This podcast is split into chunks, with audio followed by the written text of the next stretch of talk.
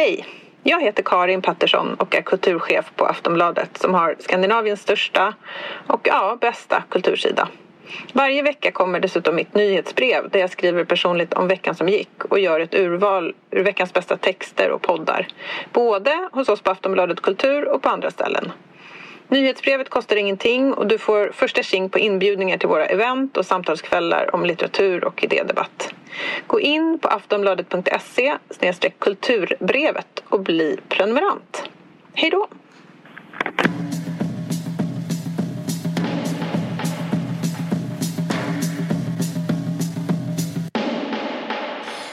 Okej, um, låt mig ta av mig en tröja. Jag har två Sexigt. Ja, Tack. jag trodde att du skulle ta av dig bara överkropp. Jag vet inte om du pratar nu men jag tog, tog av mig den och var tvungen att ta av lurar också. Okej. Okay. Ja. Jag skämtar eh. om att eh, vi alltid poddar i bara överkropp.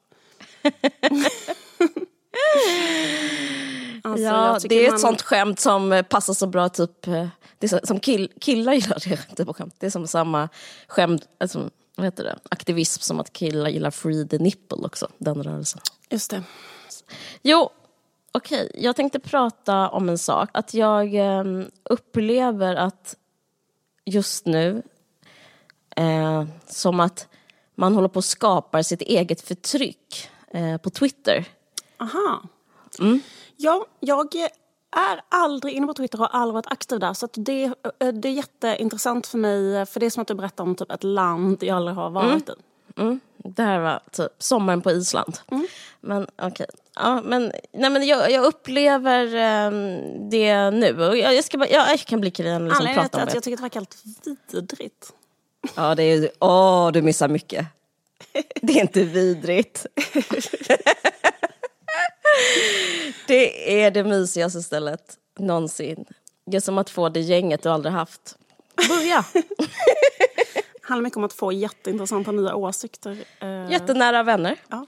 Nej, men jag upplever att eh, det finns ju en potential i social, sociala medier till liksom en riktig demokrati. Alltså mm. typ om man tänker på idén med mm. sociala medier. Liksom att eh, alla, varenda en som har ett wifi kan få en röst mm. också. Mm.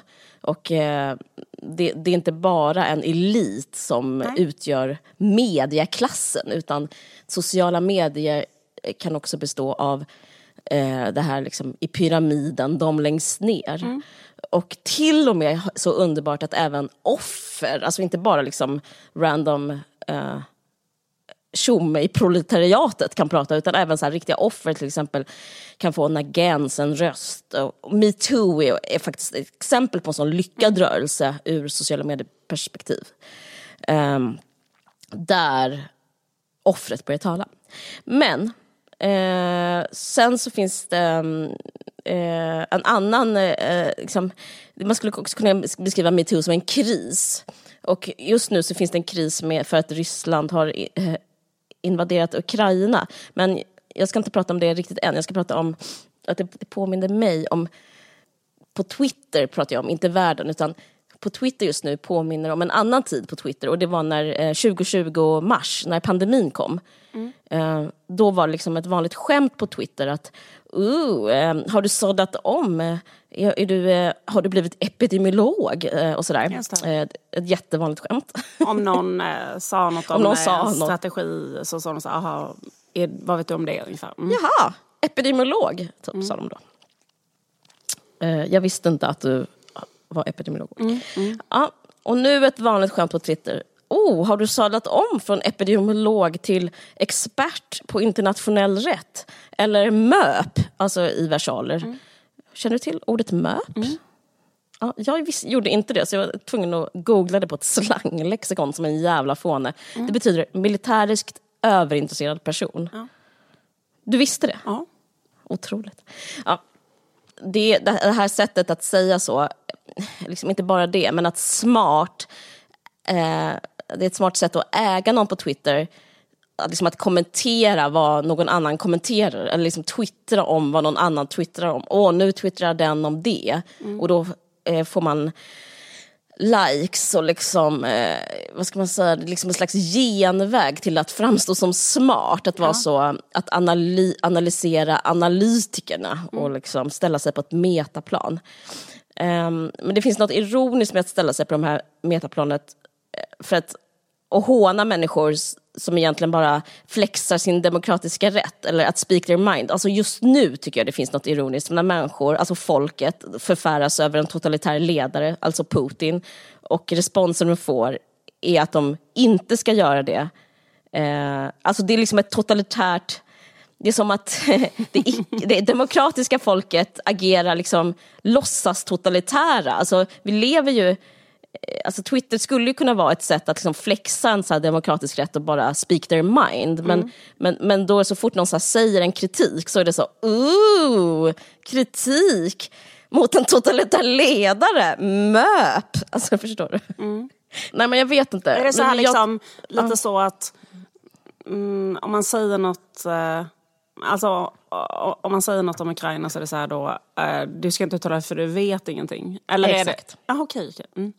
Alltså som är, exakt som i pandemin. Typ så här, jag tycker okay. att man ska ha maskar. Maskar? ingen, tycker det. Ingen sa det. det jag tycker man ska... smal åsikt. Ja, så smal åsikt. Som slogs ner när jag sa det. Nej, jag ska. Jag tycker man ska ha test, större testning ja. i... Uh, ja, liksom. Om man hade så en, en sån idé, ja. liksom. jag tycker man ja, borde ha det. Då säger någon så här, oho! Så du tycker man ska ha större testning? Är du epidemiolog? Alltså så mm. var det då. Och nu är det exakt samma sak.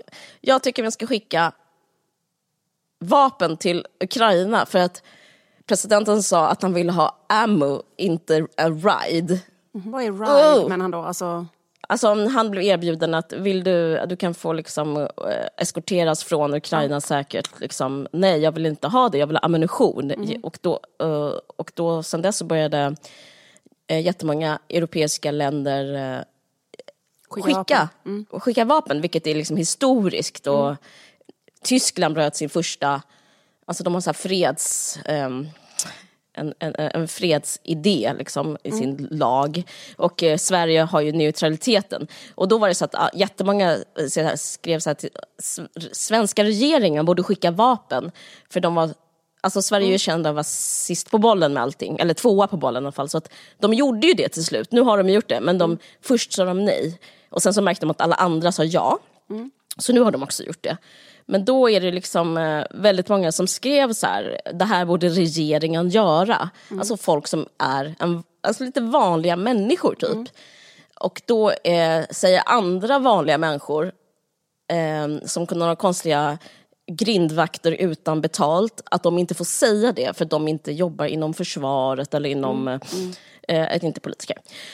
Okej, okay. och, och, och, då kan man, man kan ju säga så här, man kan ju, jag vet inte vad man ska säga om det. Alltså det kanske är bara vanlig mänsklig psykologi, så funkar det när någon pratar säger någon emot. Men, men jag skulle vilja, anledningen till att jag pratar om det nu, att jag, för det är liksom även människor med hög status som är på Twitter. Alltså även, till exempel är en twittrande eh, politikerreporter som alla nu har skrivit så här, olika varianter på tweeten, säg ingenting om du inte är expert. Mm. Ungefär att man inte ska uttala sig om att regeringen gjorde fel som eh, då ännu inte hade skickat, att de skulle bestämma om de skulle skicka vapen till Ukraina.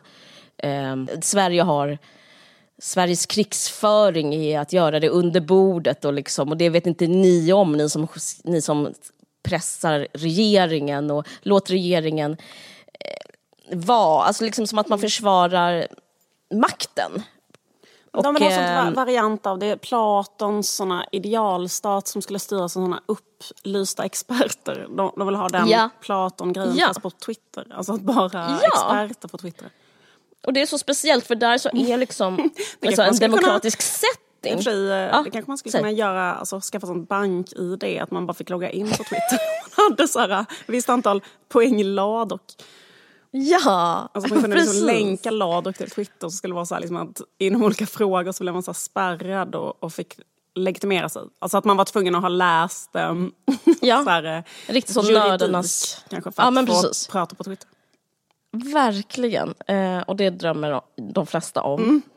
Mm. Eh, nej men, nej men det är speciellt för att, ja men det är speciellt också just när det gäller så här um, att, att man inte får det finns liksom många bottnar i det här. Att just så här, Ryssland som eh, håller på väldigt mycket med att manipulera media och liksom eh, håller på med censur.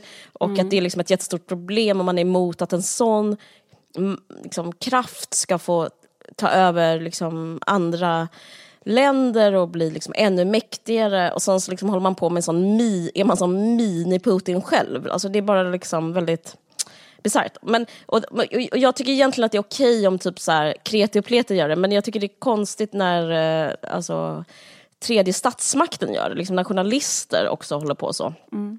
Eh, alltså, risken förutom att liksom är, det är lite det är osoft stämning på Twitter, alltså det blir väldigt osoft när alla säger håll käften, tro inte att du är möp eller du är en möp. Alltså det, det är lite osoft, men det, det, kan man ta. Men, men eh, de här liksom det som liksom, jag stör mig på att de här folkför, att det är så här folkföraktande idéer egentligen som tas upp sen. Efter, liksom, först är det på Twitter, så är det så här trickle down, eller trickle up kanske man ska säga då.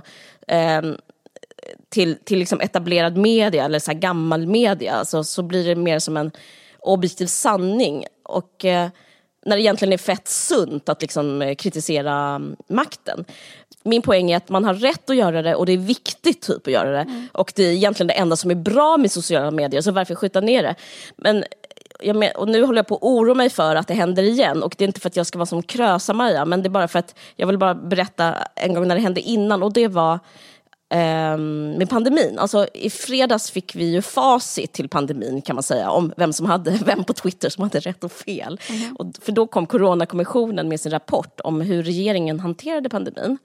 Och då var det mars 2020 och då var det samma vibe på Twitter.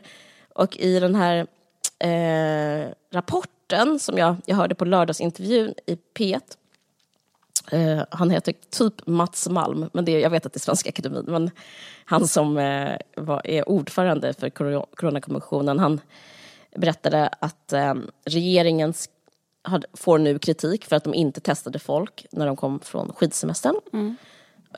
Att de inte för, förordnade ansikt, ansiktsmasker för att med, jätte, med argumentet att de inte visste att de skulle hjälpa mot just den här pandemin. Det är faktiskt riktigt dumt för att pandemin hade ju inte hänt än. Utan det är ju sånt man får alltså, intuitivt gissa sig till om, om det är bra eller dåligt. Sen så, det, sen så blev det bevisat att det var bra. Och att de inte stängde ner några veckor där i början. Eh, och att de inte skaffade skyddskläder åt vården och att de rekommendationerna som FOM förordnade gynnade medel och överklassen. Alltså det här står i deras liksom rapport, att det var, här, det var bra för medel och överklassen, det var jättedåligt för arbetarklassen. Med att jobba hemma för ja. människor som har jobb som inte går att göra hemifrån. Ja. Nej, men det är så jävla ska man säga, oinkännande att säga att en städerska ska jobba hemma eller en busschaufför. Alltså arbetarklass. Mm. Eh, och speciellt trångbodda. Alltså man är både trångbodd och arbetarklass. Alltså, mm. Typ som många svensk-somalier till exempel. Kanske därför de blev drabbade väldigt hårt. Inte som Ebba Busch sa, att de var dåliga på att läsa. Eh, nej men allt detta har kommissionen kommit fram till och allt detta kritiserade både folket och andra forskare än de på FHM, regeringen, för. Eh, och sen så hände det där som jag pratade om att sen så stod det även i etablerad media och då var det här dominanta surret om att lyssna på experterna som var argumentet för att håna andra. Då. Mm. Jag menar inte så att jag nu ska äga dem, men jag tycker det är liksom intressant för att eh, själva, liksom, om man zoomar ut vad det är som händer. Och jag skulle beskriva det som att en viss typ av eh, liksom, eh, människor med en slags halvmakt, alltså typ som en journalist, liksom blir medhjälpare till eh, auktoriteten eh, istället mm. för att mm. liksom kritisera, kritisera den. Mm. Och, och, och det skulle jag ändå beskriva, inte jag, men det är liksom beskrivningen av vad medias roll egentligen ska vara. Um, och stämningen var så här, om du inte är Johan Carlsson, Johan Giesecke eller Anders Tegnell så ska du hålla käften. Uh, och de är, ju, de är jätteduktiga på smitta men inte på kris. Alltså de hade liksom ingen känsla för klassamhället, inte för psykologi mellan människor. Eller de var inte intuitiva alls överhuvudtaget. Det känns som en sån äh, liksom, äh, lite klassisk psykologisk reaktion när det är en kris. Att man blir så mm. rädd och äh, liksom, vad, vad, ska man säga, mm. vi, längtar efter trygghet och en auktoritet. Just det. Men, Verkligen. Men det kanske man ska försöka bekämpa om man är journalist så här, typ, och tänka att man, man måste ändå kanske... Man, man blir så otrygg ju såklart av det som har hänt nu. Jätteotrygg. Eh, och, och, och det som händer med pandemin och sådär. Man blir jätterädd för att det kommer ett väldigt, liksom, ett, ett eventuellt hot mot hela ens existens i båda de här grejerna. Då, liksom, okay, men ja. Vad kan hända? Liksom, ska det bli... Um, det liksom påminner om nytt... situationen nu också. Ja men exakt såklart. Alla blir ju rädda och känner sig osäkra och otrygga. Och då blir man väl sådär ja. liksom att man vill att... Uh, uh, man vill bara uh, ha liksom enighet och um, lyssna på en ledare istället för att ha den här diskussionen. är väl en slags Verkligen. Det är supermänskligt. Och det är också intressant att det var liksom tre eh, äldre män. Det var liksom som de tre vise männen. Eh, liksom, eller som tre fadersfigurer. Alltså man kan gå, lägga på något som psykologiskt filter på det här också. Eh, jag vet inte, alltså det blev väldigt som en... Eh, alltså nästan backlash i hur man såg på manlighet och mannen. Det blev liksom nästan eh, liksom som mytologiserat. Liksom, att de, de var där och de var vår, vår far. Och vår, liksom, det blev väldigt... Och även regeringen själva i den här, jag ska verkligen lämna den här rapporten, eh, alltså, men, men där finns en kritik som kommissionen gjorde var att de lyssnade bara på FHM, de ville inte de ville bara ha, ha, deras åsikter, för annars brukar man göra så här i, man tar in eh, experter och för att verifiera liksom, de här experternas råd hur man ska liksom, hantera en jättestor kris så tar man in andra experter eh, som kan eh, ja, liksom bekräfta att man är på rätt väg och sådär. Men mm. en stor kritik nu var att de, de, de, de, de lyssnade bara, i stort sett bara på Anders Tegnell. Och det tyckte jag också var stämningen bland folket. Uh, och jag förstår att man reagerar emotionellt. Men uh, ja, vi har ju inte så stor erfarenhet av, eller vem har det liksom, av pandemin? Och vi har inte så stor erfarenhet av krig heller. Men jag säger, jag tar bara upp det nu, dels för att den här rapporten kom, men också för att stämningen är likadan med Rysslands invasion av Ukraina. Den hade nu för ett vecka sedan när vi, den här podden sen, så det har hänt, säkert hänt jättemycket. Men um, jag bara önskar att um, eller jag tycker det är absurt liksom, att försöka avskaffa, liksom, internt avskaffa folkets röst. Och jag tänker på en bok som jag läste förra våren som jag tror jag pratade lite om i podden eller om jag skrev om i Aftonbladet, jag vet inte. Eh, som heter The Work of Art in the Age of Mechanical Reproduction. Har, av Walter Benjamin. Jag tror jag pratade om den någon mm, gång. Kanske. Mm. Ja, den skrev, skrevs 1936, eller det är liksom en essä. Och han skrev den mellan 1936 och 1939 i Tyskland. Eh, när Tyskland var under nazisternas regim. Eh, då skrev han om liksom hur, eh, liksom hur fascism fungerar. Mm. Jag, ska bara, jag ska citera ett jättekort citat. Då ska han mm. säga Fascism attempts to organize the newly created proletarian masses without affecting the property structure which the masses strive to eliminate. Fascism sees its salvation in giving these masses not a right but instead a chance to express themselves. Fascism seeks to give them an expression while preserving property. Uh, på ett sätt tycker jag han beskriver um, Twitter um, Alltså, han var filosof och konstkritiker och en del av Frankfurtskolan så flydde han till USA under andra världskriget. Och där liksom såg han populärkulturen växa fram utifrån. Och så han låter lite konspiratorisk, men han säger liksom ungefär att folket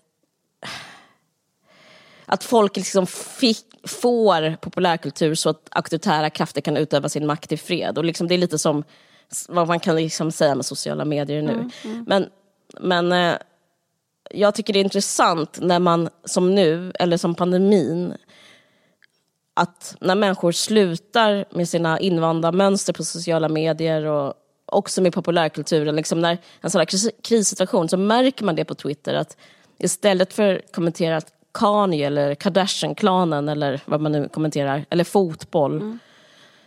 så lyfter liksom människan blicken och börjar kommentera inrik, eller internationell politik och liksom mm. De, om, de, har, de har åsikter om vapenexport och de har mm. åsikter om Swift-systemet mm. och eh, luftrummet och, mm. och man liksom vänder huvudet bort från Hollywood eller vad man ska översätta det till, vår, till influencers eller vad jag pratar om mm. precis och de frågar sig helt plötsligt liksom, är det här rätt eller är det här fel? Typ, alltså, allting blir liksom på ett annat... Eh, alltså man, man vill in i den makt som bestämmer över en eller som, som påverkar ens liv. Mm. Och sen så, jag vet inte, och, och jag reagerar på att slå ner på den impulsen. Att bara eh, liksom, håna folk in i att bara få prata om mello men liksom inte liksom, fråga om, ska vi ha pacifism eller är det rätt att skicka vapen eller vad är Natos roll? Alltså jag har sett det på så många ställen, om någon börjar prata om Nato så kommer alltid någon och säger håll käften, du vet inget om Nato. Mm.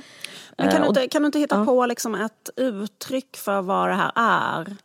Och sen popularisera det? det uttrycket? Men, Vilka äh, krav! vad sa du? Vilka krav! Alltså, det kan jag absolut men kan inte du, Kan, kan inte du göra det?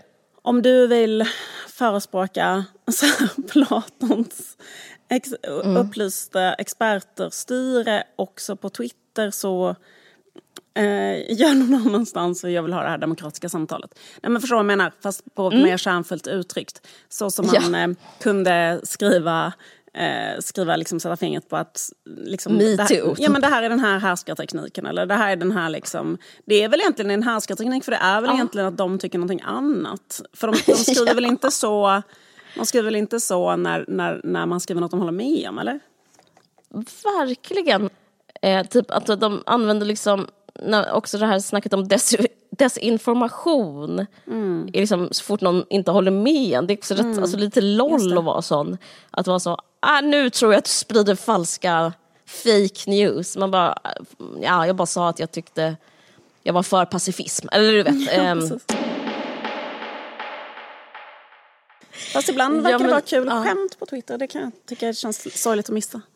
Jag tycker faktiskt, jag ska bara säga att jag mm. tycker också om Twitter väldigt mycket mm. och jag tycker om det i just kristider. Alltså jag, och jag tycker det finns en funktion i kristider. Mm. Det är konstigt att jag avslutar så kanske men, men uh, det är någonting, det finns en viss personlighetstyp mm.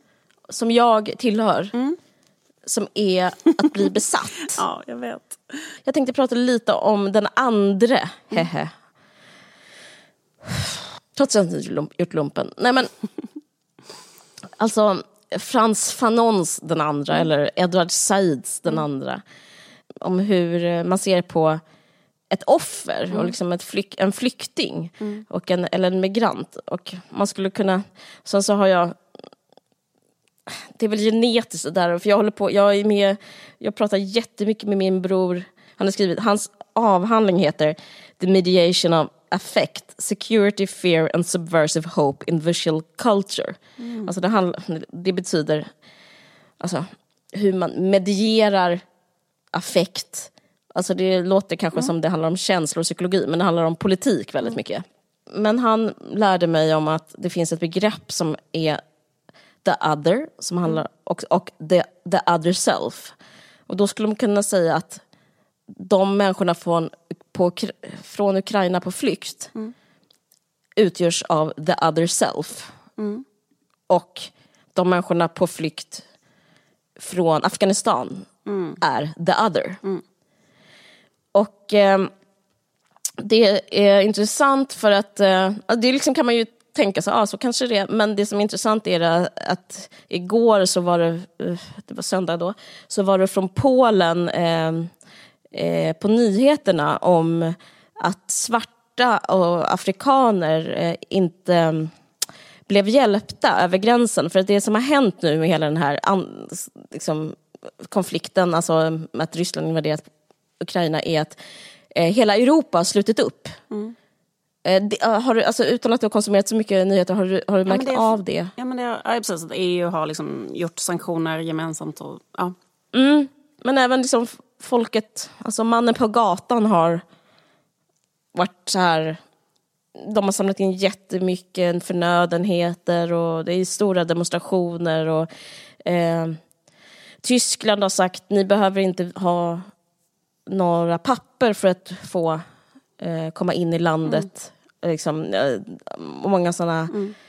eh, saker som annars har varit som är svårt, som har på senaste tiden gjort svårt för eh, migranter har liksom hävs nu in, för de här eh, personerna i Ukraina. Alltså det som är, som eh, fått kritik, det är att eh, att man behandlar de, att det finns två olika sorts flyktingar nu. Liksom att man behandlar eh, flyktingar från Ukraina på ett sätt medan samtidigt, alltså just nu, inte bara 2015 när det var en, en, liksom en väldigt stor flyktingvåg eh, som, som eh, inte är vita eller liksom kommer från eh, Mellanöstern och eh, Afrika. Eh, de behandlas liksom samtidigt på olika sätt. Och liksom då, då har det liksom fått mycket kritik för att eh, Europa är liksom eh, särbehandlar ukrainare. Men då så pratade vi om att ukrainare är liksom en själv. Alltså det, är inte, det, är för ett, alltså det handlar liksom om att man, kan, att man har empati. Alltså de, man ser sig själv, alltså man har lätt att se dels, dels kan man se liksom Ryssland som sin egen fiende, liksom, att man skulle kunna se hur Ryssland attackerar Sverige mm. och man kan känna igen sig i eh, att vara liksom, helt estetiskt liksom, vara en, från, en person från Ukraina, alltså för att man har vit hy och sådär. Men att det, det, är intressant för om man jämför det med 2015 så var liksom de som var offer Alltså, nu har man liksom urskilt offer, men då 2015, på den flyktingvågen, i början var det liksom rätt så positivt, men sen så gick det snabbt över till att det inte fanns några offer längre. Alltså, IS var förövare, men även offren alltså, i, all, i folks eh, i alltså, politiken och liksom i allmänhetens ögon var liksom också ett hot. Alltså det här är bara en tolkning, jag säger inte att det eh, definitivt är så här, men att då var det som att islam blev hotet istället för de som blev utsatta för islam, alltså arabiska människor som blev utsatta för islam, utan det var som att alla som kom var en del av hotet och de utgör, utgjorde misstänksamhet. Nu är det ändå som att det finns en förövare som är Ryssland och Putin och stackars ukrainare. Men att liksom det blev som att det fanns en misstänksamhet och man skulle kunna förklara den misstänksamheten med att man inte kan identifiera sig. Liksom, utan allting bara var där borta, liksom, från vildringarnas land. Och det här har Frans Fanon skrivit mycket om och även Edward Said. Eh, men, eh, men eh, jag bara tycker det är intressant att prata om nu när folk har öppnat upp sina hjärtan så himla mycket. Att man skiljer på de här flyktingarna och flyktingarna. Det, liksom... det, har ju varit så nyligt också. Man får väl se vad som ja. händer. Ja, det kanske ändrar sig. Det var det ju väldigt mycket solidaritet i början av den här flyktingvågen ja. 2015 och folk samlades ju i alla mm. tågstationer och det, det var Verkligen. jättemycket sånt. Men sen så efter ett tag så äh, liksom, äh, börjar man liksom äh, tröttna och se negativa konsekvenser och bli sådär liksom. Mm. För det, vi får väl se vad som händer. Vi får verkligen se. Ja, men... Se vad som ehm, händer överhuvudtaget. Kanske i fred när det här avsnittet släpps. Ja, hoppas. hoppas. Putin har blivit avsatt i en ehm, statskupp. Intern statskupp. det skulle kunna hända. Det finns ju tyvärr ett kärnvapen hot. Men, ja, men, äh, liksom att det som skulle kunna hända är väl att folk, uh, förlåt jag är inte MAP, men alltså, att, internt att folk skulle bara avsätta honom. Alltså jag menar, att folk i ja. Ryssland skulle kunna bli trötta. Okay. Nu kommer jag svara, jag vet inte. Så jävla ödmjukt.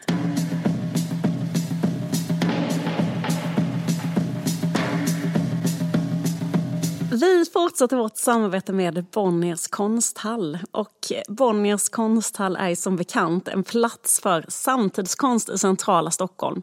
Och det ligger på Torsgatan 19, inte så långt från Vasaparken vid Sankt Eriksplan. Mm. Eh, och nu fram till den 3 april kan man se Lapsi Lams utställning Dreamers Quay, Dreamers Key på Bonniers mm. konsthall. Och det är konstnärens eh, hittills mest omfattande utställning. Och den utforskar berättelsen om den kantonesiska diasporan i Sverige. Mm. Eh, VR, skuggspel, skulpturer och musik tar besökaren på en resa genom tid och rum och drömmar. Mm. Lapsi Lam som du känner? Mm. Ja, jag känner inte henne. Jag vill gärna säga att jag känner henne, jag, mm. men jag kan konst, vad det, konsthall. Samarbete med Bonniers konsthall till trots så kan jag objektivt säga att hon är kanske Sveriges mest intressanta konstnär just nu. Wow. Och jag känner inte henne, men jag köpte ett verk av henne mm. 2016. Wow. För jag såg på Facebook att hon var gemensam vän med någon och då hade hon, såg jag en Um, att en tavla på, ett, på en liten sånt där thumbnail, så stor mm. var den. Men jag såg ändå att hon var bäst i Sverige. Nej. För att hon, jo men hon är så otroligt bra. Det jag köpte var ett, hon, har, hon, eh, hon kommer från en kinesisk eh, familj som har haft eh, Kina-krogar. Och eh, hon fotograferar de här Kina-krogarna liksom off hours och backstage kan man säga. Wow. Och, även liksom, eh, och sen så tryckte hon upp det på sidentyg. Och det blev så otroligt vackert och drömskt, precis som de säger, alltså precis som de säger att det ska vara här. Eh, och det är liksom den här, den här rumsliga och eh, vackra miljön som får en att tänka på jag, jag tänker lite på så Kursmäki och eh, Tarkovsky mm. när jag tänker på hennes verk. Alltså hon är väldigt ordlös men väldigt berättande. Eh, och, och också otroligt vackra grejer och så otroligt liksom, eh, och så, det är helt fantastiskt. Och jag, eh, ja, jag har sett bilder från den här utställningen och jag vill jättegärna gå. SvD eh, skriver så här. Ja. Eh, Lapsilams stora installation på Bonniers konsthall trollbinder med sin komplexitet, ja. poetiska ja, skönhet och sitt omsorgsfulla utförande. Och det ser supervackert ut på den här bilden. Gud vad kul! Ja, men det är också helt eget. Ja. Alltså, det är så fett att bara komma på ett eget uttryck och bara köra in i kaklet på det.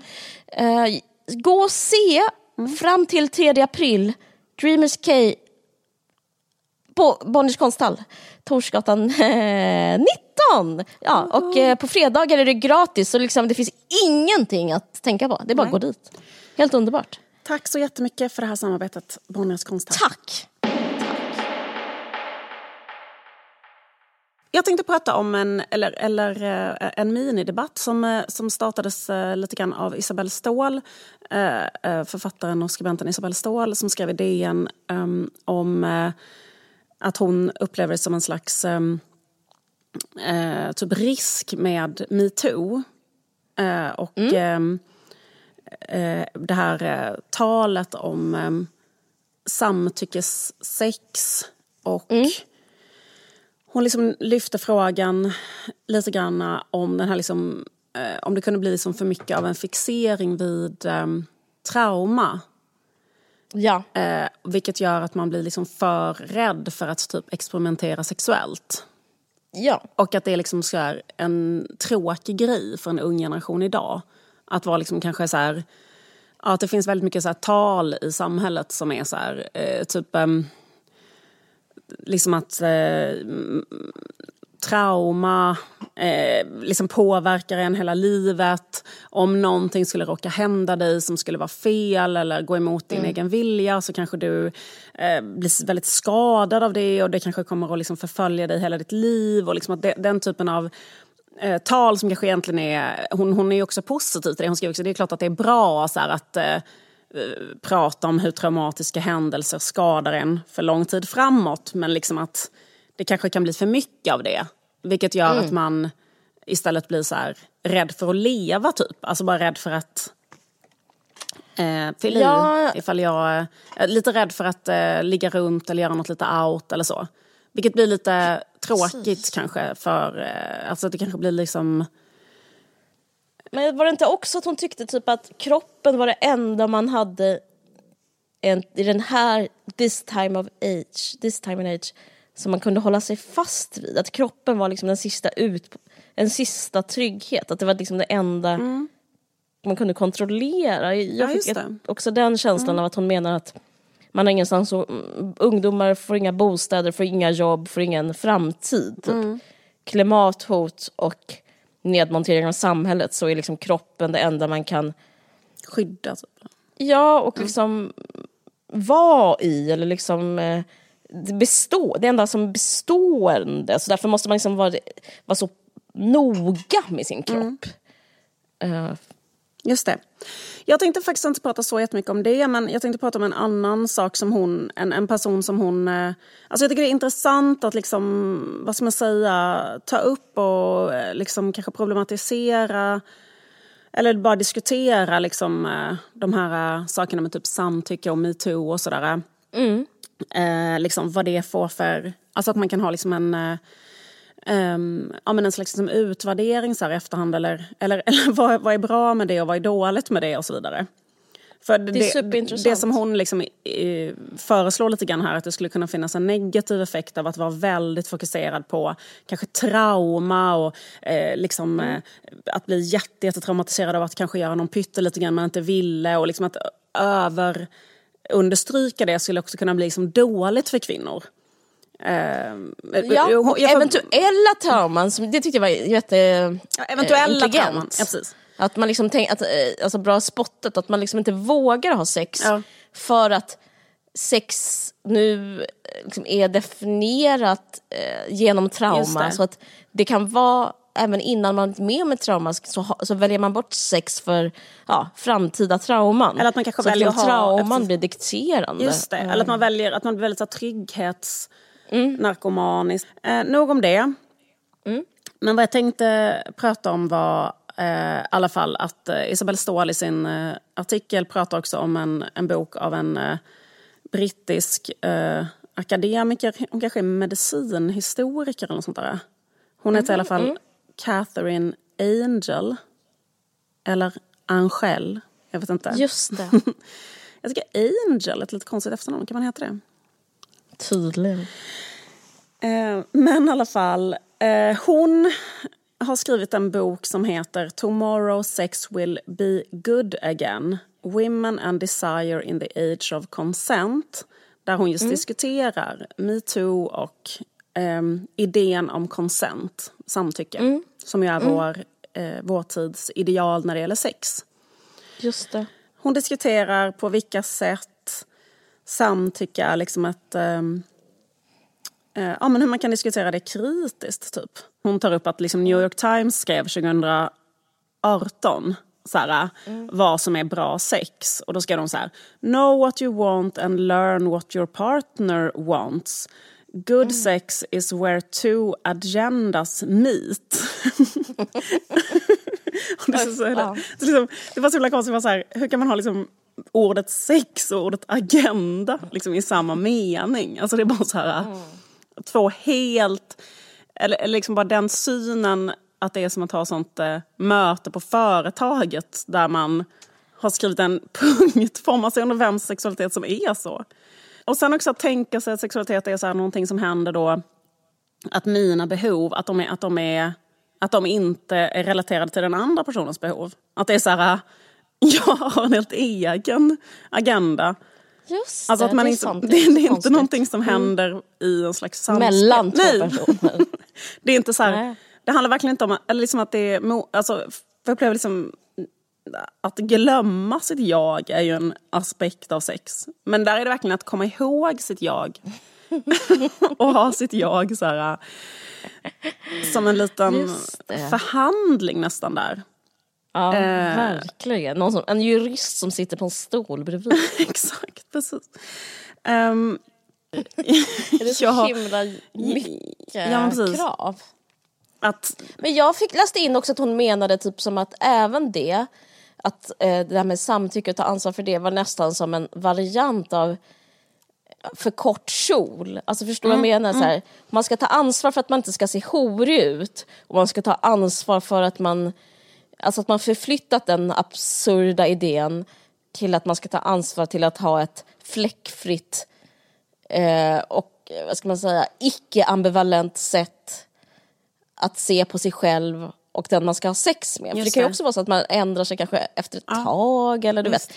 Eh, och att det liksom blir för mycket vikt då, eh, viktar över på kvinnans roll igen. Fast alltså, det är ett nytt sätt att vara så här, men hon hade på sig... Dels ska man också styra sitt äh, psyke som ja. en manager, eller, eller, som, en, som en VD är ju också Alltså om sexet är, sex, om sexualiteten är ens vad ska man säga, inte bara fysiskt utan också liksom själ och psyke och emotionell och liksom Ja. bakgrund och ja, ryggsäck och, Ja. och så den ska man ha sånt pli på som det är en konstig utställningshund Ja. som man är så, ja nu kan du börja, kör! Skall. Eh, skall. Ja, och, så, och så då inleds ett samlag på det viset. Att det är ett väldigt konstigt sätt att se på vem man jaget eller vad man ska Ja, säga. det är en helt, eh, det är en väldigt, väldigt konstigt sätt. Sen Det är mycket begärt. Det är mycket begärt. Och sett det med så här boss ladies i sängen, att de är så här, kom, pratar om? Confident... Vad fan heter Precis, det? att, att det finns ett ideal att vara kanske så här, Ja. eh, och, och som hon confident menar, culture eller Just det. någonting som är typ så här boss lady ideal. Ja, Mm, Det är som förlåt. ett, ett, ett slags väldigt så tråkigt sätt att skämta om samtycke är ju det här liksom,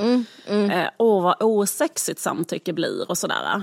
Och det, Just Eh, tycker jag liksom är en rätt så töntig invändning mot samtycke. För det tror inte jag liksom... Eh, liksom är du en osexig person så kommer det bli osexigt. Men, eh, liksom, det Men det är också typ en till sån, vad ska man säga, ytterligare... Först, alltså det, vad ska man säga, det blir som att Ja, först ska man ha samtycke, åh det är så jobbigt att ta det ansvaret som hon pratade om. Och så ska man också bli hånad för att ta Just det. det. ansvaret. Det är som, please, typ så här, kan jag få, kan jag få break någon gång? I alla fall. Ja, verkligen. Eh, Men i alla fall, jag tänkte bara på en annan sak när jag liksom läste om detta som är så här, eller just när det handlar om så här, vad är vad jag vill? För det utgår ifrån eh, liksom väldigt mycket egentligen så här, vem är jag? Eller vad är jaget? Eller vad är liksom den innersta kärnan eller den innersta viljan? Eller liksom finns det en sån typ ren autentisk kärna som vill ha till exempel sex på ett visst sätt och inte vill ha sex på ett annat sätt? Alltså kan man se på liksom jaget på det sättet? Och, ehm, där, eh, och det tror ju inte jag. Eh, och då eh, liksom... ehm, eh, tänkte jag också att det här liksom, eh, går att länka till en sak som jag och Ola pratat om ganska mycket, Stormens utveckling. Eh, Så jag ber om ursäkt om eh, det är någon som har hört det här innan men jag har inte länkat det till sex. Så att, eh, det är också, jag tycker det här är faktiskt in, intressant att se på det ur det här perspektivet när det gäller sex. För vi har pratat rätt så mycket om en tysk filosof som heter Hans Georg Möller. Och han pratar om så här... han är sociolog och då pratar han om eh, så här, teknologier för identitet. Alltså typ hur ser man på i ett samhälle, vem är jag? Eh, och eh, då menar han att innan kanske 60-talet så hade man en teknologi för identitet som var så här, eh, eh, han kallar för sincerity. Och det är då liksom att ehm, typ, eh, jag är en bagare, eller jag är en far, jag är en fru, jag är en, liksom, eh, jag är en borgmästare, jag är en bonde. Typ att man, vem man är, det är jättemycket ett yttre eh, ramverk för det. Man går inte runt och fnular så här, vem är jag? Utan det är så här, jag är från den här släkten, från den här byn, jag tillhör den här gruppen. Alltså du vet, så här. Eh, och att eh, allting handlar om att eh, uppfylla sin roll på bästa sätt. Liksom att hur ska jag vara en god dotter? Eller hur ska jag vara en eh, perfekt fru? Eller så. Det handlar inte om så mycket vem ska jag vara? Eller så. Utan som samhället funkade så var det mer så här liksom du ska uppfylla din plikt gentemot ett kollektiv och det gör du utifrån vilken roll du har i samhället. Och det är liksom bara att utföra din roll på bästa sätt. Eh, och när det gäller sex så var det ju så här jättetydligt då att det finns rätt och fel hur man har sex. Eh, sex ska ske inom äktenskapet. Eh, Liksom allt sex som sker inom äktenskapet är rätt. Alltså, det var ju inte förbjudet med våldtäkt inom äktenskapet fram till 1965. Så det är liksom inte fel. Alltså, har du gift dig så kan, inte, så kan det typ inte ske någon våldtäkt där. Liksom, för då är det ju det liksom på rätt sätt. Liksom. Just det. Och som fru så har du de här plikterna att du ska ha sex med din man. Eh, Det var ju till och med, finns till och med sånt uttryck, så här, de äktenskapliga plikterna typ. Alltså att även om Just kvinnor inte ville det så var det rätta att göra var att eh, ha sex med din man, liksom, när han ville det. Eh, och det, det, det du kunde göra fel var att liksom inte vilja det till exempel. eller så. Eh, och det som också var fel var att typ ha sex utanför äktenskapet eller sådär. i lagarna. Så kanske det fortfarande är i vissa länder. Till exempel att, jag tror att det är så i Iran typ. Att om någon kvinna blir våldtagen så blir liksom både mannen och kvinnan straffade. Liksom att, och så var det också i Sverige förr. Liksom att, För felet är inte att um, det har begåtts ett övergrepp utan felet är att det inte har skett inom äktenskapet. Mm, intressant. Och samma sak med eh, liksom att eh, det fanns någonting som heter otukt. Och då, då var Just det allt som var så fel och rätt är inte strukturerat utifrån att någon vill eller inte vill överhuvudtaget. Utan fel och rätt är bara strukturerat kring, passar det in i den här, eh, liksom, vad det, uppfyller du den rollen som, på vilket sätt det är normalt att ha sex? Eller har du det på ett felaktigt sätt? Så eh, en man som våldtar en kvinna utanför hemmet, en kvinna han inte är gift med, anses lika fel som att till exempel en man och en kvinna har en utomäktenskaplig affär frivilligt. De sakerna är exakt lika fel. Eh, Men i alla fall, sen så bytte liksom samhället till en ny, ett, ett nytt ideal för att eh, i, eh, skapa identitet. Vem är jag? Och det heter authenticity. Och där är idealet att du ska göra så mycket som möjligt vad du själv vill. Ja, ens inre. Ja, alltså. ens inre, exakt. Och det berodde på att man liksom reagerade mot de här sakerna. Det var så lätt att se vad som var fel i det här förra samhället. Liksom att så här, ja, men du kanske är kär i någon som du inte är gift med och kan inte den ändå få skilja sig och bli ihop med dig istället? Liksom, varför ska inte det vara rätt? Och gör, gör den ju vad den själv känner för. Liksom. Och det är mycket bättre. Så här. Ja, visst. Och då började man ha... nu gäspar du. Nej, men det beror på att jag har varit vaken så länge. Jag, jag tycker det är jätteintressant. Ja, i alla fall. Jag tror faktiskt det är första gången jag gäspat någonsin i podden. Jag, jag är jätte, jättetrött. Ja, eh, jag älskar det här eh, ämnet. ja, jag är snart... eh, Men jag ska... Nej men jag- sluta! Gud vad hemskt att... att, att eh, jag tycker det är jätte, jätteintressant. I alla fall. Och då blir Nej, det... vilken tid var det här? Var det här med, 68 samtidigt som kan man säga. Freud? Ja, nej, det här var liksom... Freud och marxister. Eh, jag, jag tänker att det här var jätte, jätte, jättemycket liksom våra föräldrar. Ja, men, för, men, de, men de var väl fr- freudianer och marxister? ja, precis. Men, men, eh, men jag tänker att liksom... För liksom tänk dig att, jag tänker att våldtäkt inom äktenskapet blev förbjudet 65. Att det är någon slags liksom sån tidsmarkör. Verkligen. Att liksom, tänk då... Liksom, de, och efter de, det så började det vara viktigt. Liksom, Ja, men då blir det jätte, jätteviktigt. Så Ja. typ, vem är jag? Vad vill jag Ja. Mm. egentligen? Livets mål är att pursua mina egna innersta drömmar maximalt. Liksom, kvinnor kanske måste skilja sig. Alltså, allting det här. Liksom, Mm. Ja. eh, och, och just, Boomeri, boomera. Precis, exakt. Och där kom ju med sex. Då var det så här, va? Varför ska det vara så att sex ska bara ske genom äktenskapet? Sexuella revolutionen, jag gör Mm. Bara det. vad jag känner för. Jag kanske, liksom, det ska inte vara liksom, så här. Det, det, det ska inte ske. Det, ska inte vara, det blev som en del av en frigörelse från idealet att om Mm. du är, också frigörelse från könsroller såklart. Liksom, bara för att du är en kvinna så ska du inte så här, eh, hålla på det utan du kan eh, leva i en polyamorös relation. Alltså så var det ju väldigt mycket då. Just det. Eh, Det viktigaste av allt var att du Ja. är fri. Och det är du liksom genom att eh, försöka ta reda på vad som du känner innerst inne och sen Ja. leva efter det. Och det är också väldigt intressant för de noterar liksom att all... Alltså det, här, det finns ju inte så ett klockslag när detta hände utan det har ju överlappat jättemycket. Men, men, men, ah, men, men autenticitet är fortfarande vårt ideal jättemycket. Eh, och, Ja. men, och när det gäller sex så har det liksom då, från att det, liksom, eller vad jag tänker, det här pratar inte Hans-Georg Möller om, men vad jag tänker är liksom ett typiskt exempel på autenticitetssträvan inom sex är att först Mm. började det med att bara bryta de här invanda rollerna. Typ så här, eh, äktenskap ska inte vara en regel för när du får ha sex och inte ha sex. Utan det kan Mm. du ha när du själv vill.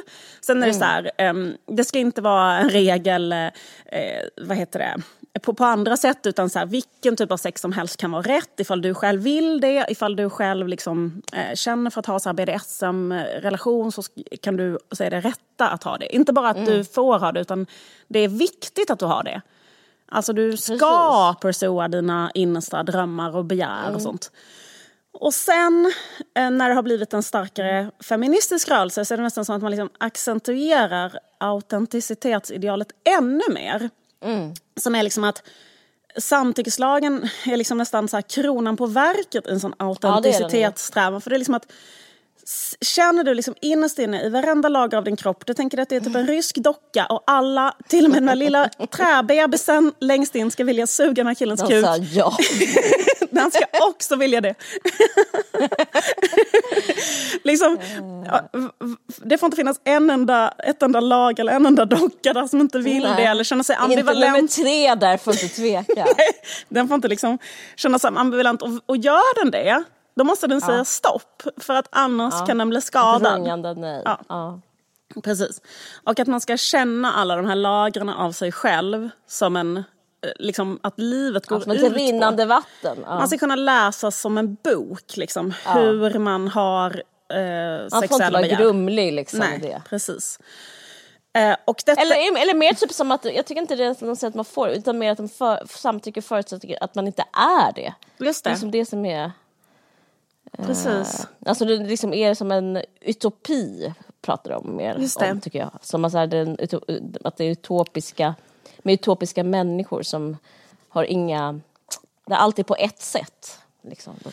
Alltså, för det som jag tycker är väldigt intressant med vad de här säger, de här Hans-Georg Möller, för han Mm. menar på att vi egentligen har gått in i en annan tid nu, där vi inte Mm. har identitetsteknologin authenticity, utan vi har gått över till en annan som han kallar för profilicity, som är att vi har gått över helt och hållet egentligen till en annan Mm. identitetsteknologi. Och han säger inte heller att det här är bra eller dåligt, han bara säger att det har bara blivit så här, så vi kan inte göra någonting åt det, det bara är så här. Att Men vem är han då? Han, han bara, bara f- vibbar in där, är Ja. någon forskare? Eller liksom, Precis. Han, han, han är sociolog och filosof. Men, Ja, okej. att, men, jag, men liksom det, det, det som vi har gått över Mm. till idag, det är liksom second order observation. Att vi liksom betraktar oss själva och andra utifrån hur andra betraktar oss själva och andra. Mm. Så här, När vi bedömer vem en människa är och vem vi, själva är så gör vi det Mm. via hur andra människor betraktar en. Liksom så Mm. här, när vi ska välja en restaurang så tittar vi på så här, vad har andra människor skrivit för recensioner av den här restaurangen i Hjälp. Eller vad fan det heter. Alltså, Vad står på hjälp? vad står på Jag Hjälp? vad jag står, menar. jag ska hyra ett Airbnb. Vilka Du recensioner? har aldrig kollat hjälp? Eh, liksom att ehm, man är en... eh, man är inte ett uh, autentiskt jag utan man är en, eh, en curator som kurerar eh, profiler av sig själv. Ja. Och man väljer att i olika sammanhang visa upp olika profiler och att de profilerna jätteofta, de är postmoderna. De här människorna Ja. som hittar på det här. Det är han och en annan gubbe som heter D'Ambrosio. Men liksom att så här, Ja. det, det, det, det finns liksom ett... Skapar sig själv? Ja, man, man har ett gäng eh, och de... eh, Och det är för att identitet... Um, you can't get identity right. Det är det som är deras um, liksom grundinställning. Så här, Mm, att det går inte. Och då har vi olika, haft olika liksom så bristfälliga sätt att definiera jaget. Och nu är vi inne i ett nytt bristfälligt sätt. Liksom. Men, ehm, så att liksom, för det som, men när man håller på och byter, så det vi håller på att göra nu, att vi håller på och byter eh, till det här andra sättet, eh, det här mer profile building, sättet att eh, se på oss själva.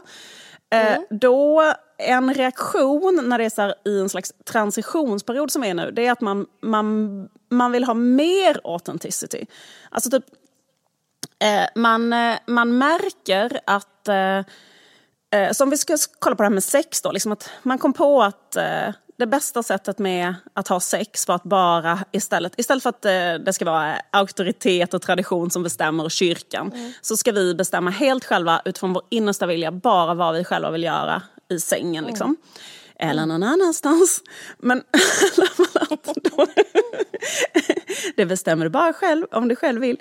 Men, äh, och, och, men, då liksom, men då när vi har hållit på med det här ett tag så märker man då, eh, precis som de här exemplen vi har tagit upp, att det är jättesvårt att veta vad man innerst inne vill. Man kanske tyckte att det lät kul att följa med den här gamla gubben hem och fira jul och kanske strippa för jag menar? Sen kände man ett annat lag av en själv, ville inte det och berodde det på ett barndomstrauma att jag ville det? Eh, vad, vad, liksom, eh, finns det en konflikt mellan eh, olika lager av ett jag? Eh, Finns det motstridiga känslor? Och, så här. och då, och då liksom försöker man tänka att vi ska ha, ju mer authenticity vi har, ju bättre. Vi måste liksom skåda ännu mer in i oss själva. Vi måste vara ännu mer medvetna om exakt vad vi säger. Vi måste, både, alla måste liksom vara så jävla upplysta av sig själva. Alla måste ha liksom en agenda, alla måste vara ännu mer genomlysta, alla måste vara ännu mer transparenta. Liksom alla, alla måste vara fruktansvärt uppmärksamma på varandras signaler. Alla måste liksom, du vet så här, och jag tror att det är det här lite grann som liksom är så nästan en sån desperat så här, eh, och mer, mer att det ska vara he- helt rent och helt äkta känsla när man har sex. Liksom. Men då Men får jag den, fråga dig en fråga, Ja. alltså en motfråga i det här? För att det känns ändå som att det kan ju ändå inte vara fritt från moral. Alltså, för det här låter ju som du beskriver som att moral inte är intressant alls längre utan det är bara det, här, det inre kärnans vilja, så Mm. att säga. Ja, ja, det jag tänker är så att den moralen vi har som är, alltså Ja. i den så authenticity-moralen som jag Ja. också upplever att den här boken verkar Ja. i, hon Catherine Angel. Ja. Eh, Att, att hon menar att ju friare vi är, exempelvis från könsroller. Hon menar på så här, till exempel att hon skriver på ett ställe. Eh, Mm. Om vi bara kan befria oss ännu mer från våra könsroller som män och kvinnor. Mm. Då kommer sex att bli bra. Hon skriver så här, sex kan, Just inte, sex det. kan inte bli riktigt bra förrän vi är ännu mer befriade från att vara eh, könsrollerna män och kvinnor. För att, att vi har könsroller är en anledning till att eh, sex inte blir så bra. Utan så här, vi måste vara ännu mer så här liksom eh, autentiska och befriade från samhällspålagor. Och ju mer vi liksom... Ju mer Men vi, då likställer hon bra, det här låter, kanske låter som att jag är jättesjuk i huvudet nu men nu kommer jag säga lite bara sådana för att öppna upp samtalet lite men då likställer hon ju bra med sex som inte innehåller våld. Alltså fattar du vad jag menar? Eller? ehm, För jag menar, någon kan ju tycka det är bra med våld Ja men precis, men, men, jag, tror, sex. Men jag tror att eh, alltså, om, om jag får eh, Mm. uttolka den moralen vi har idag så upplever jag att moralen är samtycke. Och det betyder Mm. att om folk, alltså det exemplet du hade, ifall det är ett eh, typ BDSM-förhållande där man har skrivit ett kontrakt Mm. så sk- skulle jag väl ändå säga att moralen är att det får man ha. Alltså, mm. Felet är väl om någon förtrycker någon annan. Alltså, det Ja, är väl fel, felet är att någon tvingar någon att göra något som inte den vill. Mm, precis. liksom- Det finns inte den här yttre moralen som typ kyrkan nej, stod för innan. Det och tycker inte jag. Alltså typ att så här, eh, Ja, så det, det, det kan kanske... Det, strypsex och allt. det finns ju kvar så här, alla de här erorna går ju i varandra så det är klart att det finns Mm. kvar lite sån sincerity. Eh, Typ att vissa tycker Mm. att eh, man inte ska ha haft sex med för många om man är en tjej och så vidare. Vissa kanske Mm. tycker det, liksom så. men det är inte riktigt så här den förhärskande moralen riktigt. Nej. Eh, liksom ändå, vad Men jag vi fattar. som samhälle Det behöver- tycker. Exakt. Och då, men, men, men det som... Eh, men det som... Men det som han menar då är liksom att, eh, eh, ja men typ den här saken då som, eh, som han menar att, eh, till exempel, jag tänker på det med yttre ögat, att vi nu för tiden håller på otroligt mycket med identitet via second order observation. Att vi väldigt ofta tänker på så här, hur ser det ut utifrån att jag Verkligen. äter kvällsmat med min kille och att vi äter den här maten. Hur, ser det, hur skulle det se ut utifrån? Liksom, Inte bara vi postar om det, men även om vi inte postar om det så finns det ändå ett yttre öga som på något Oh, sätt oh ja, sätter ett internaliserat, ett internaliserat yttre yttre öga. Och det gör det ju otroligt mycket när det gäller sex såklart. Och det är också så här, Oh ja. när du pratar om samtycke i det sammanhanget så liksom, Mm. vi lever en tid där vi lever otroligt mycket utifrån ett yttre öga. Liksom så här, Mm. eh, eh, typ så här, säg en eh, 25-årig tjej som är oskuld och sen äntligen eh, lyckas eh, ragga upp en främling och eh, liksom knulla med honom på en toalett liksom någonstans. Och sen går därifrån och är jättelycklig.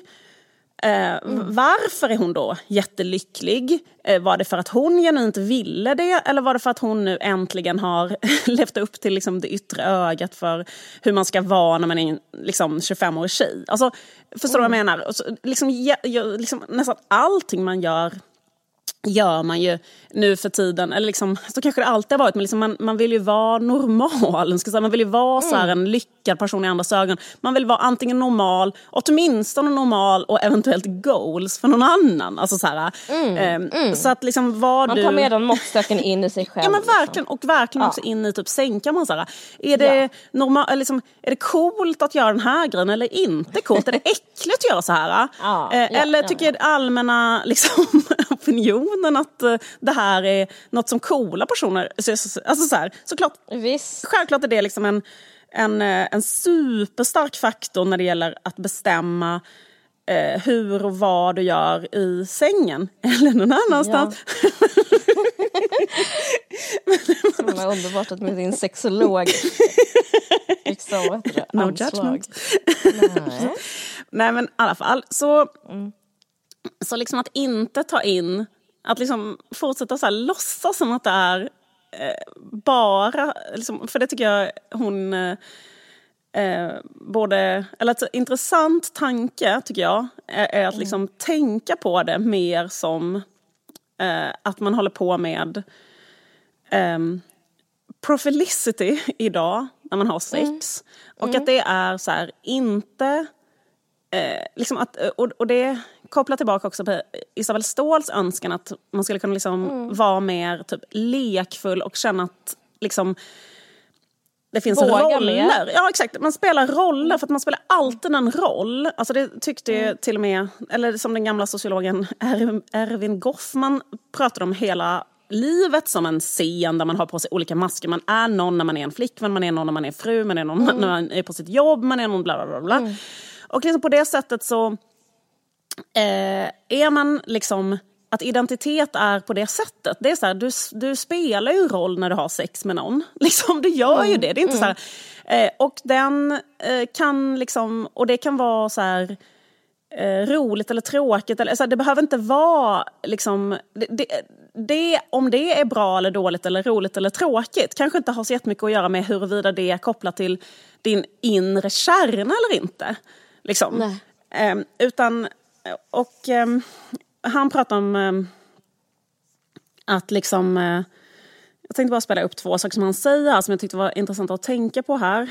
Och det var... Eh, för han... Eh, de är så verksamma på ett universitet i Kina. Och mm -hmm. därför så är de också inspirerade av kinesisk filosofi. Och de är okay, inspirerade av... ja, men det är inte så jävla random egentligen. För det är så här... Nej de är inspirerade av daoismen. Och mm. daoismen var liksom en reaktion... Är det samma som taoismen? Ja, det, jag tror det. det jag vet ja, jag inte. Också det. det är så jävla konstigt. Det måste vara eh, världens mest liksom, förvirrande sak att daoism och taoism är samma sak. Men det känns som att det bara eh, handlar om uttal. Ja, förmodligen så är det samma bokstav egentligen i, på ja. kinesiska. Ja. Eh, men i alla fall så, ja. eh, liksom, ehm, vad heter det? Det är väl som uh, vad heter det, att innan fanns ett ideal som var konfucianismen. Och det var ju lite så som det finns i Asien och finns i Japan jättemycket. Till exempel att man dyrkar väldigt mycket förfäderna, traditioner, man ska liksom typ vara på ett visst sätt. Alltså det är så dödsseriöst, din identitet. Så här, eh, typ om jag misslyckas med min, på mitt ett jobb så ska jag begå harakiri. Liksom, för att, alltså, eller liksom ett ja, väldigt, typ, typ så här att Okay. Jag, jag, dör ifall jag inte upprätthåller, att om, om inte jag kan vara en samuraj på ett bra sätt eller om jag har blivit besegrad. Eller, alltså du vet, så här, det finns ett sånt ideal som är, eh, som är enormt mycket det här sincerity då. Som mm. handlar liksom extremt mycket om att så här, upprätthålla traditioner och allting går bara ut på så här, hur bra är du på att upprätthålla din traditionellt föreskriven roll och så vidare. Och sen kom daoismen, taoismen som ett motreaktion mot detta och det handlar om att man ska så här, step back lite mm. från identitet och vara mer eh, förstå var mer. Chill. Att man inte, exakt, vara mer chill i relation till... Alltså jag har ju läst Tao enligt Puh. Har du läst? Nej, gud vad underbart. Du måste berätta sen. Jag, ja, men det, det, det, ja. när de tog, de, jag kan berätta en mm. mening för att det bara tänker, alltså anledningen de tog enligt Pu är för att han är det liksom han är en naturbegåvning på taoismen. Ah. Alltså så, så mm. som Pu är. Ja, Okej. Okay. Så du kan bara tänka hur Pu är. Det enda jag tänker på är att han åt honung, han har inte på sig några byxor. ja, men han är liksom, Lite chill. Mm, han är chill, exakt. Men då, ja. jag, jag, ska bara läsa upp här, eller liksom spela upp här vad de säger. Um, alltså, om man tänker sig... Mm. Om man tänker sig liksom att man är on a quest, att försöka mm. komma på exakt vem jag är, vad är min identitet? Vem är jag? Vad vill jag? Eh, vad vill jag göra? Ville jag egentligen exakt göra just det där jag gjorde igår? Eh, ville jag, liksom, var det fel? Var det ett överträdelse? Alltså, om man är fast i en sån grej, då, då kan man tänka mm. lite på det här med daoismen. Nu spelar jag upp här för dig. Mm. So this is where Taoism comes in because it basically advises to be cautious about over identifying, to be cautious about overly committing to a certain identity. And it basically aims at, at easing, at, at relaxing identifications. Mm, och relaxing mm. identifications. Och sen fortsätter han så här. The way to do it is simply by acknowledging, understanding the notion of, of genuine pretending, um, understanding that, that i- identity mm. is both paradoxical and incongruous. And this is what allows to establish identity and trying to get identity right, to make it not paradoxical or to make it no longer incongruous, is an impossible task. Så till exempel så här, exakt, men jag tänker på som till exempel Catherine Angels förslag där. Att vi ska vara ännu mindre könsrollstypiska. Och försöka vara Ja. ännu mer genuint så här, liksom att det är liksom ett impossible task. Att det är liksom en slags liksom att, så här, att istället erkänna så här, liksom att det går inte att få identity right. Det handlar alltid om genuine pretending. Det betyder inte att det är oäkta eh, när du ligger med någon eller så. Men det kan vara liksom att du har en liksom, genuin...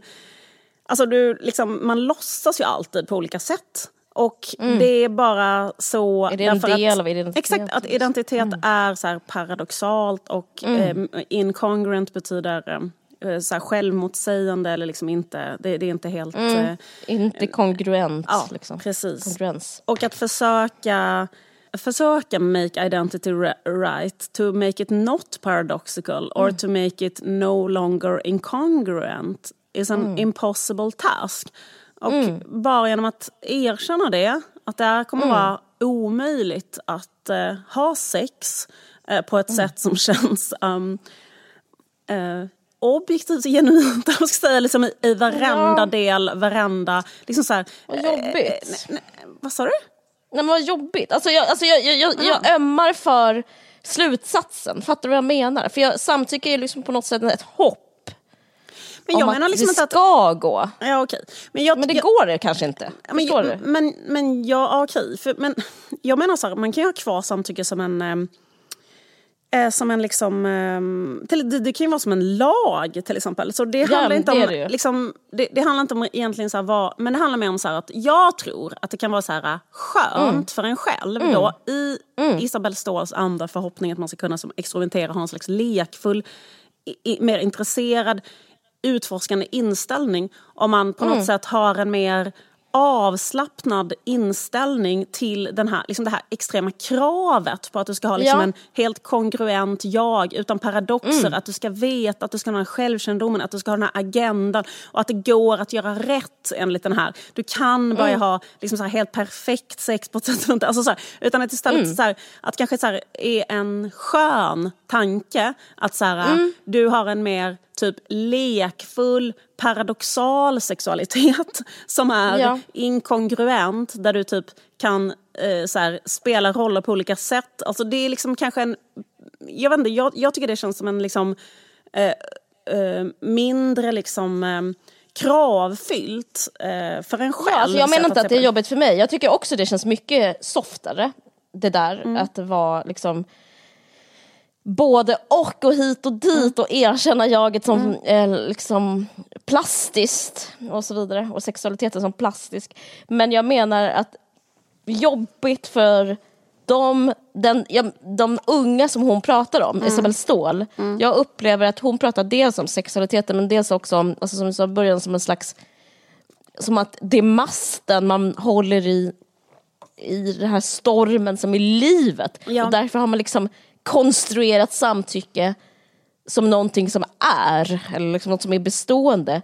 Och vad jobbigt nu för alla, om det inte heller ens det är bestående. Alltså det är liksom som Nej, att precis. Men, men jag vill får bara, man nästan börja om lite på något men, sätt. men jag tänker så Alltså, på något sätt att jag, eller självklart att det ska vara samtycke på det sättet att man vill det där och då. Jag bara menar att det är så en, en, Ja, men det förstår man en, att du tycker- eller det förstår en att omöjlig task kanske att få det Ja, på det det, är det. sättet. Så här. Alltså att, att få det så här, man märker att uh, okej okay, det här håller inte riktigt för det är så himla svårt att veta helt autentiskt mm. allting. Och då tänker man att vi ska göra det ännu mer autentiskt. Vi ska få bort ännu mer könsroller, vi ska ta mm. bort ännu mer så här, förväntningar av samhället. Vi ska, men så här, typ att vi, vad, vi än, vad vi än gör, vem vi än är, mm. så lever vi typ hela tiden nu i ett liv där vi håller på så jävla mycket med dels då second order observation, second order observation, observation vem är jag i relation till andra eller fast när det gäller lagen så är det en helt annan sak. För det är ju, så här, det är ju bara en teknisk sak. Liksom så här bara att, mm. eh, ska det vara att du har sagt ja eller nej? Men jag tycker faktiskt också att det finns intressanta invändningar mot den lagen. Till exempel mm. så här mm. att, typ att eh, i lagen nu, eller, för det tycker jag är ganska bra som hon Catherine Angel eh, liksom pekar på att det kan finnas en, ett, en, att man stirrar så jävla mycket på om om det var samtycke. Så det är den mm. enda punkten man bryr sig om. Så här, när mm. det kan mm. finnas andra saker. Och en sak som jag kommer att tänka på um, mm. är till exempel fysiska skador. Uh, för att mm. liksom man hade, alltså nu kan det vara så här ett våldtäktsmål till exempel. Att en kvinna kan mm. anmäla våldtäkt, ha fysiska skador. Men ifall killen kan bevisa att det var samtycke men det var bara så rough sex. Fast hon ville ha rough sex. Så gör inte det någonting att eh, hon är skadad. Eller man kan vara till exempel väldigt Nej, fysiskt precis. skadad. Men till exempel så, om, man, om, man, om man var så här har du fysiskt skadat en kvinna och hon anmäler dig för våldtäkt, då åker du in. Förstår du vad jag menar? Ja, man hade verkligen. kunnat vara så här... misshandel istället. Ja, man hade kunnat se det som misshandel. Exakt. För det har ju funnits sådana eh, fall där mm. kvinnor varit så här fruktansvärt söndertrasade och våld, alltså helt mm. förstörda. Och sen har det ändå varit så här bara, ja fast eh, de, det, alltså, det kanske då finns... Hon sa ja. Liksom. Hon har sagt, kanske sagt ja hela tiden och liksom mm. bla bla bla. Så här. Och då, och då är inte det fel att göra så mot en annan människa. Liksom. Um, men um, liksom att, förstår vad jag menar? Att det finns liksom saker där samtycket kan liksom Liksom mm. att just att den punkten blir liksom... Men det var den, lite det jag menar med moral, att det finns liksom andra aspekter. Ja just det, man liksom- stirrar liksom, på jag uttryckte en, det konstigt. Ja, ja just det, uh, men jag förstår vad du ja. menar där. Att, för, men ja. det hade varit kul, ja, precis. Man hade kunnat ha en sån sexlagstiftning som var bara så här till exempel, det, det är förbjudet att ha BDSM-sex i Sverige. ja, nej, men jag försökte komma på något extremt men jag menar liksom någonting som är inom liksom andra fält anses, frown, alltså frown, ja. men liksom anses liksom ja, men olagligt eller felaktigt. Ja, men det är ju till exempel misshandel är mycket bättre exempel egentligen. Men ja, självklart så är liksom, samtycke är ju liksom en, en, en nyckel som låser upp någonting mm. som är liksom ett mm. väldigt bra... Eh, så här, det är mycket bättre såklart än att det finns en övre samhällsmoral.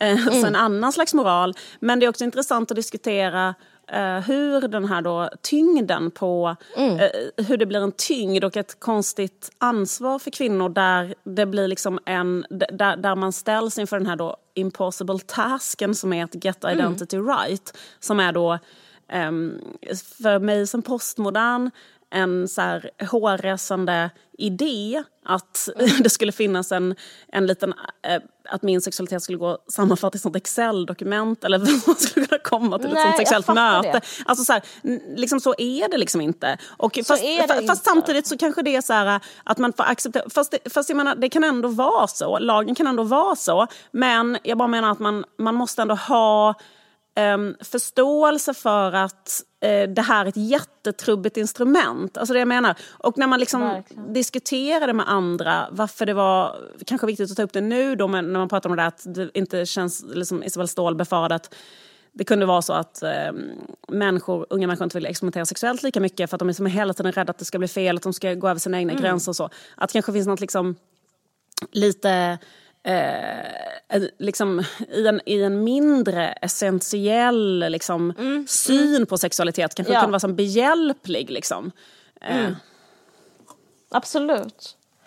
Ja, jag tycker det är um, intressant men jag tycker också man kan se det som symptom också. Att, alltså, dels samtyckesymptom på att metoo kom ju men det kan ju också vara symptom som uh, på att uh, människor mår dåligt eller liksom att vården är nedmonterad. Eller liksom, det kan också vara som ett sånt, eh, nästan som en manual. Man liksom inte eh, istället för liksom eh, orka förstå allt det du ja. sa så är det som att så här, det här är, man här är det får bara bästa man kan- 12 Ja. gånger av landstinget Ja. i, i terapi och eh, du har inte råd att läsa filosofi på universitetet.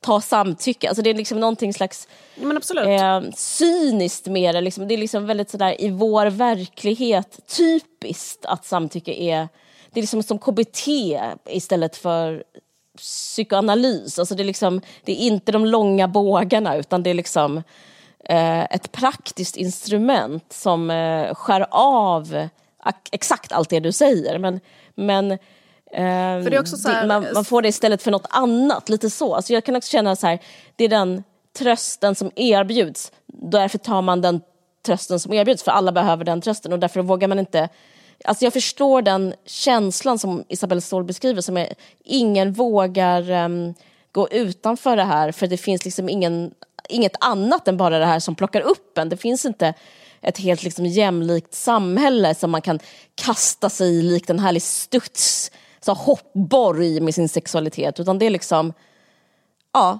det är här vi har. Liksom, det, det, är lite hårt på något sätt eh, och säger liksom någonting om vår tid på det viset. ja. Jag ömmar för samtycke. Förstår vad jag menar när jag säger det? Att jag säger, åh stackars oss som måste hålla på med samtycke. Så känner jag liksom. Tänker liksom att det Lite- finns upp en slags... ehm, jag menar inte att det, att det liksom heller behöver vara så nödvändigtvis bättre att tänka på det på ett annat sätt. Utan det finns egentligen Nej. ingen värdering i det. Det finns bara Nej. olika slags smärta i de olika sätten Ja. att försöka konstruera identitets... Liksom, sin identitet. Och, liksom, Verkligen. och att liksom, det är jätteuppenbart för alla vad det var för typ av smärta i det här förmoderna samhället som kunde uppstå. Och sen så kan det uppstå en annan typ av smärta i så här, spåren av en liksom, eh, sexuell revolution och du har eh, liksom, och sen och självklart upple- upp, finns det en annan typ av smärta i ett slags liksom, profilbaserat samhälle som ha- handlar väldigt mycket om hur andra människor ser på dig och sådär. Och det, så det är liksom inte så här äh, att egentligen Nej, det är ovärderat, men det sker- förstår sker- det, man Precis, exakt. Men, det är. Ja, precis, men jag, bara, jag menar bara att det liksom är ingen så här manual för... Men, men jag upplever att så här, bara att tänka att liksom identitet inte är någonting som är en typ så här, objektiv sanning som är en viss sak så är det liksom lättare att eh, ta det så här pyttelite mer chill med Ja. liksom, sin egen identitet och också så här, sin egen, liksom, vad man själv Mm, det gör. kan vara och- befriande att få tänka så.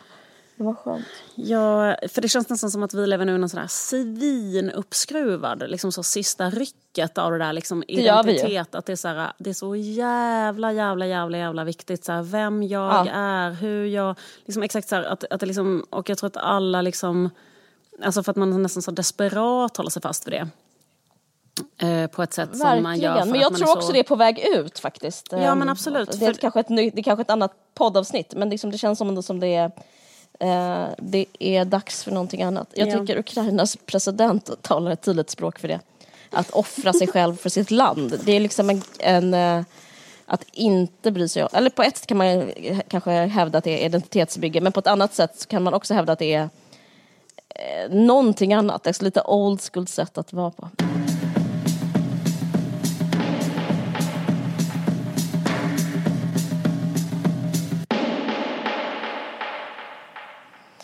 Ja du, ännu en dag är slut i Putins. Europa. Åh, gud. Ja. Den som lever får se vad som händer. Verkligen. Vi hoppas att eh, det är fred i Europa nu Mm. på, och hela världen såklart, eh, nu på eh, när vi sänder. det- för det här, det här spelas in på måndag. fyra dagar innan. Ja, precis. Och eh, trevlig helg. Trevlig helg. Tack för att ni Ha det lyssnade. bra. Ha det bra. Hej då. Ah. Du har lyssnat på en podcast från Aftonbladet. Ansvarig utgivare är Lena K Samuelsson.